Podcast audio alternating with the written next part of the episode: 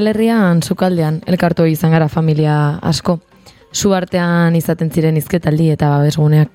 Lagun arteak ere mailaren bueltan elkartzea da ekintza oikoenetako bat. Otordua egin eta ondoren luze aritzeko asmotan. Urretxu ere babesgune, urretxun ere babesgune hartu dituzte lapikoak eta zartaginak, eta zuen artean anistasuna lantzea baki dute.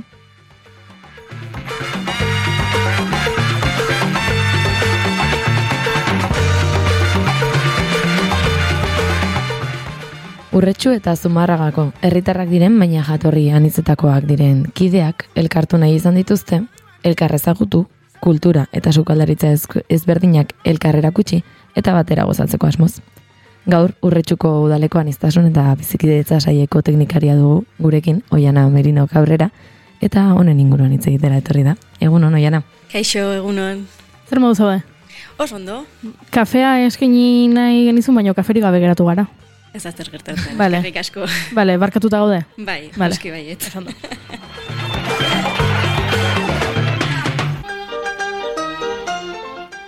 Bueno, ja nahi patut, e, urretxuko herritarrei zuzendutako proiektua dela. Bueno, urretxuko elkarte batean elkartzen zeate ez da? Bai, goierri kirol elkarteako soziedadean, hor elkartzen gera.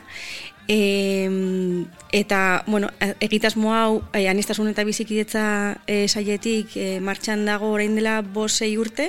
Mhm. Eta, bueno, helburu oinarrizko helburua da e, jatorri ezberdinetako herritarrak e, ezagutzea, bai, lurraldekoak. E, bakizue urretxu eta inguruan beste herri batzuk ditugula eta eta mm, e, ba, bueno, azkenean helburua da beraien artean harremanak sustatzea eta bueno, e, azkenean e, e, zurrumurruak, aurreritziak eta horiek e, gainditu eta ba, herritar bezala ba, partekatzea. Eta noski, ba, zu- esan duzun bezala, e, lapiko artean, e, hor e, kultura ezberdinekin harremanetan jartzen geha, eta aldi berean gure artean ere goxotasun hori edo alaitasunari ere sortzen da.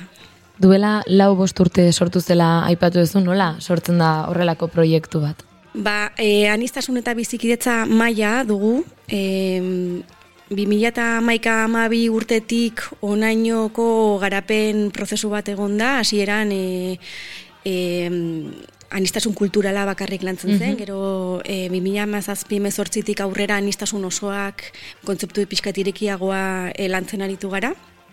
Ni konkretuki oain dela urte eta erdi, gutxi gora bera nago e, anistasun eta bizikidetza arloan, eta e, anistasun maitik sortzen dira egitasmo guzti hauek. E, anistasun maila herriko edozeinek, mailan herriko edozeinek parte hartu dezake, bai erakunde publikoek, bai elkarteek eta bai edozein herritarrek. Eta hilero elkartzen gara, eta prozesu horretan ba, antolatzen ditugu ekintza ezberdinak. Egia da, azkeneko, bueno, hasieratik ere e, plan bat, dagoela ekintza plan bat, norabide bezala, baina hori anistasun eta bizikidetza maitik antolatzen dira.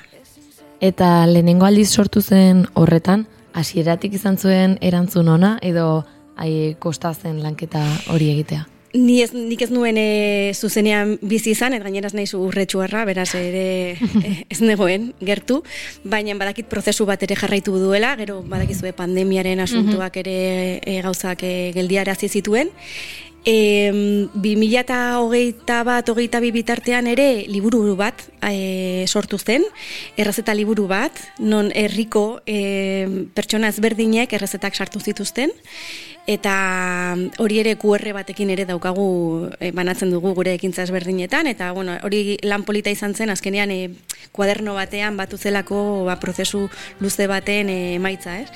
Eta bai, e, lehen urtean izan zen nire lehenengo aldia, e, parte hartzea nahiko altua izan zen, egia esan, eta aurten izan da e, asko, osea, jende asko apuntatu, e, jende asko kemandu izena, e, izan ere, e, muga bat jarri bar izan dugu, ia berrogei pertsonak e, eman dute izena, eta ez ja, danak sartzen. Mhm. Orduan, leheno e, dozeinek hartz, hartzezaken parte saio guztietan, orain bi, bi saioetara mugatu bar izan dugu, ze, ez sartzen sukaldean, lehen urtean ere egontzen egun bat, e, jende asko zegoela, eta azkenean labanakin egin, bueno, azkenean pixka eta arriskutsua da, ez?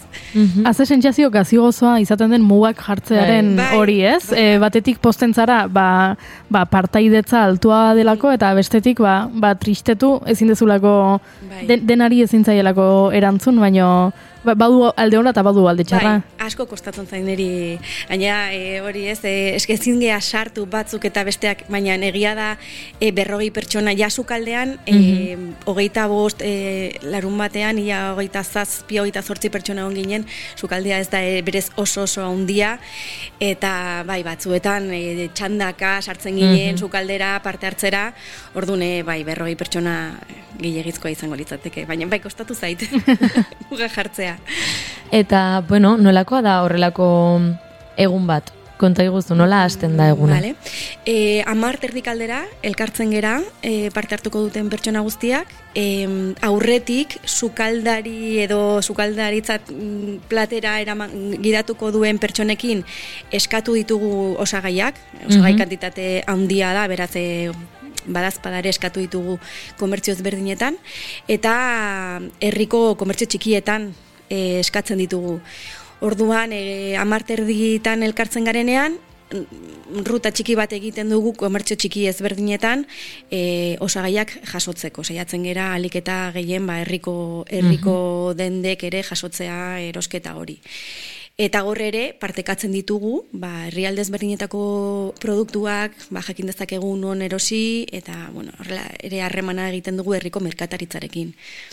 E, osagaia guztiak erosi ondoren, e, goierrira goaz, eta mm, bertan, ba, bueno, lehenengo saioan normalean papertxo batzuk bete behar ditugu, e, bueno, horrela ibiltzen gera, eta horre, hortik aurrera, bai, sukaldean sartzen gera, e, errezetak egin behar edo gidatzen dituztenek, ba, esaten dute, begira e, osagai hauek daude, ba, mesedez, da, tipula zatitu zazu, zuk egin zazu hau, eta hor da, danon artean, ekipo txikietan, ba, banatzen gea, eta eta janaria prestatzen.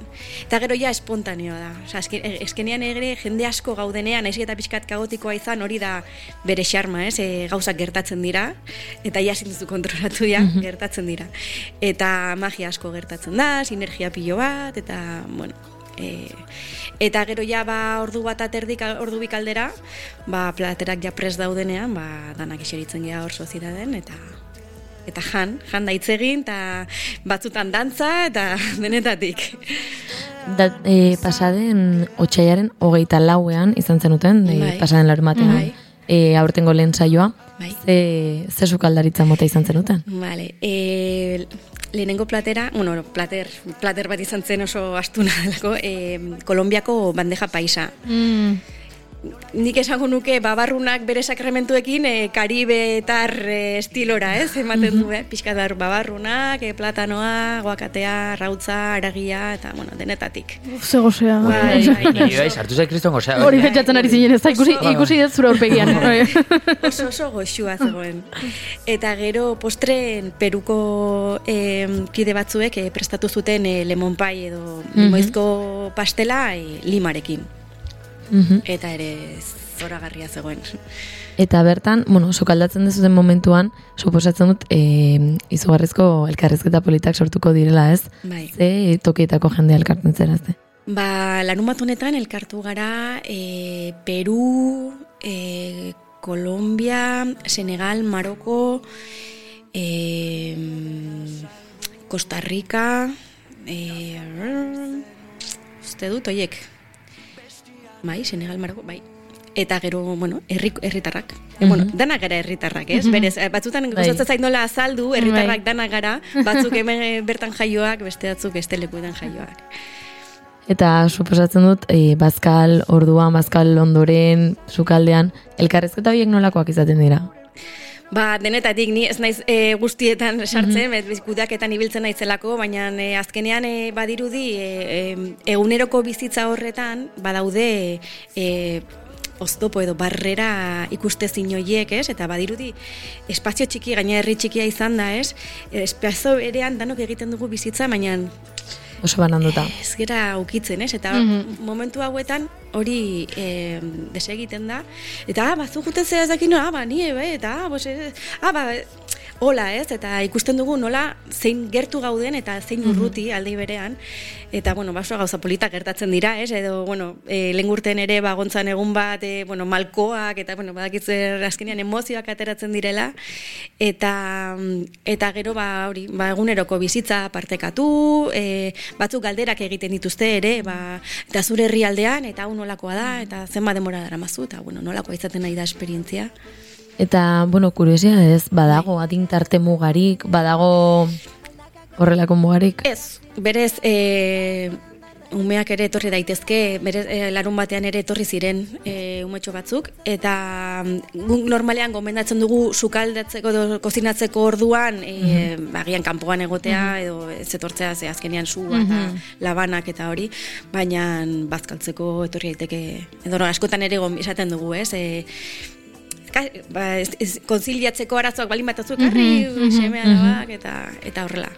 Eta, bueno, e, datozen, bueno, datorren martxoan, martxoan zehar, beste pare bat saio ere egingo dituzue, martxoaren bian lehenengoa eta hogeita iruan Mhm. bigarrena, ze, ze plater izango diren badakizu da ja? Bai, larun bat honetan, e, prestatuko dugu Senegaleko oiasa ginar edo oiasko, oiaskoa arroza eta tipula saltxa batekin, oso oso goxua. Eta postrean Marokoko kide batzuek ere egingo dute postre marokoarra. Eta, bueno, suposatzen dut izen ematea, hain handia baldin bada, urtetik urtera jendeak errepikatuko duela, ez? Bai. Ze, ze jasotzen duzu jendearen gandik, ze esaten dizuete? Ba, am- bert, adibidez, de, bertako pertsona batzuek e, lengurten parte hartu zutenak eta gaurten ere parte hartu dutenak eh, esaten diate, ba, beraientzat aukera oso paregabea dela, ez? Azkenean hori da, beraien eguneroko bizitzan, badirudi e, paraleloki mugitzen garela eta ez gerala elkartzen edo gurutzatzen, ez? Eta eta saio hauetan, ba, muga horiek gainditzen dituzte eta gero beraien eguneroko bizitzan, ba, ba herria hunditu egiten, ez? Edo aberastu egiten da eta e, atzerritik etor, bereziki hilabete batzuk daramazkitenak edo oraindik eh, kokatzeko prozesu horretan daudenak, bazkenian ere izugarrizko aukera, ez, herritarrak ezagutzeko, e, hogeita iruan ere euskal sukaldaritza egingo dugu, E, pasaden urtean goierriko kide, bueno, azkeneko urteetan goierriko kide batek eh, parte hartu, oso aktiboki parte hartu du eta amenduan e, e, hil egin zen. Eta, bueno, bere omenez egingo dugu, ba, omenaldi txikitxo bat egingo diogu eta eta, bueno, porru salda, almondigak eta txokolate musa prestatuko dugu. Eta mm, eta bueno, pixkate hori omenaldi txikitxo bat egingo diogu, bideo bat prestatuko dugu eta. Gosearen kontonekin gezki pasatzen ari naiz. bai, Ez, oso, baina, p- pentsatzen ari nintzen, ze ekimen politia eta askotan pentsatzen dugula, ez? E, lehenengo reakzio izan daitekela, ba, ezakit, ez? E, herrian bizi den senegaldar bate, batek jende gehiago ezagutu dezan, eta, baina, ze politia baita ere, agian, ba, pentsa ez, ni tolosarra naiz, baina joaten ba naiz urretxura bizitzera, e, Jendea ezagutzeko... jendea ezagutzeko modua, ez? Ez, ez soilik, esaten zen bezala, ez ala soilik bakarrik, e, e, kanpotarrek gu ezagutu gaitzaten, naizik eta e, guk ezagutu ditzagun beraiek, eta edo gure artean ere ezagutu gaitezen. Bai, niri, hori da nire kasua ni donostiarra naiz, baina e, kanpoan bizi izan naiz urte askotan. E, lanera, la- la- lana topatu nuen, lanean hasi nintzen, eta ja gauza ondo zijoala, ba, bertara e, joan naiz, nire semearekin. Eta, bai, hasieran bakarrik, la, de hecho, ezagutzen ditute atzerritarra gehienak, bazkenean lanagatik, ez? Eta, bai, niretzako aukera da ere herriko jendea ezagutzeko, eta orain, ba, pixkanaka demora aurrera joan ala, hobeto, ez? Baina, bai da, aukera hori. Osa, edozein edozein entzat aberatsa da, ez? Eta, eta etor, etorri berrientzat ere, ba hori, azkenean prozesu hori a- ere egunerokotasunean zaila egiten da, larun batetan egiten dugu ere ordutegiagatik, eta eta gainera bertako ohitura hori, ez? E, ba hori, ba, e, sukalde kozinatu, bazkaldu eta hor sortzen diren magia guzti horiek. Eta, bueno, ez dakit oraingoz tokirik dagon izen emateko, han inguruko norbaitek entzuten bagaitu. bueno, norbaitek ematen badu izena bilatuko dut. bidea gutxienez batean parte hartzeko bidea e, saiatuko naiz beti. Eta, bueno, pixkat bukatze aldera, ni galdetu nahi nizun, e, izugarrizko, a, bueno, izugarri aberasgarria izan daitekela horrelako zerbait, gero plateroiek etxean sukaldatzea ausartzen zeate. Mm, Bai, ba, so- e, berez errezetak e, ba- partekatzen ditugu eta mm, nik berez etxan herrialde askotako janaria prestatzen dut, baina bai, azkenean ez dira errezeta zaiak. Mhm. Eta ere daukagu azkenean aurreritzi hori, ai, eske espezia asko, e, pikante asko ezin izango dut jan, baina azkenean dena oso bai, bai.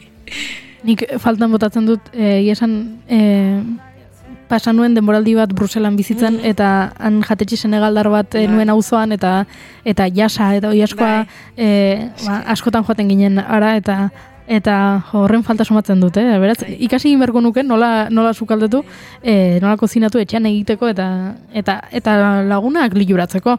Ze gero hori aitzeki politia da, gero kuadriako e, gomidatzen dituzu eta eta bidaz e, prestatu dudan. Bai, jasa berez ez da oso plater zaila, eh? Ez, ja. Ni Senegalen bizi izan nintzen ere espaldi eta eta ere usai hoiek eta Mhm. falta motatzen ditut eta erun batean goxatuko dut.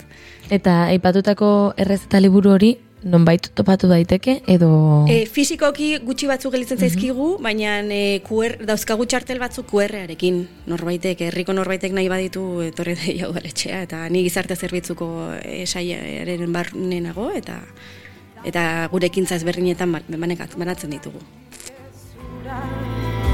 bihurtu zen honezkero ezartutako erabaki gabeko Jo, Jana, ba, bueno, nik uste argi geratu zaigula, e, iroi izugarrizko gozea sartu diguzula, hori benetan, eta ba, eskerrik asko abona ekartzeagatik, eta ba, askotan bueltak ematen dizkigula, ez, nola landu anistasuna, eta, eta zein modu sinplean egin daitezken gauzak, eta ze errexea izan daitenkeen, ba, zure ondoko bizilaguna ezagutzea. Beraz, eskerrik asko abona ekartzeagatik. Eskerrik asko zuei. artean zar bat eta zure basotan barna horinek ies batetik bestera kotxeko ardien artean. Eta zu zeure buru abera